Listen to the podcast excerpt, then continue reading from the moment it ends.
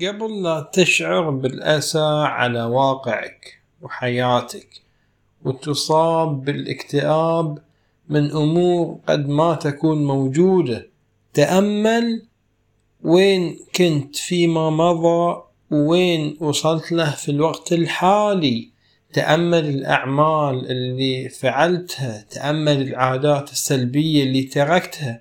تأمل الإنجازات اللي قدرت تحققها بفضل من الله عز وجل ولا زلت على الطريق ولا زال أمامك الكثير للوصول له وتحقيقه بإذنه تعالى.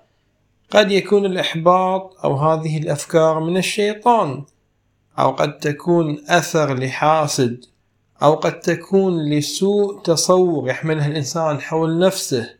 ومعيار من المثالية يضعه على أيامه وحياته. المثالية مثل السراب.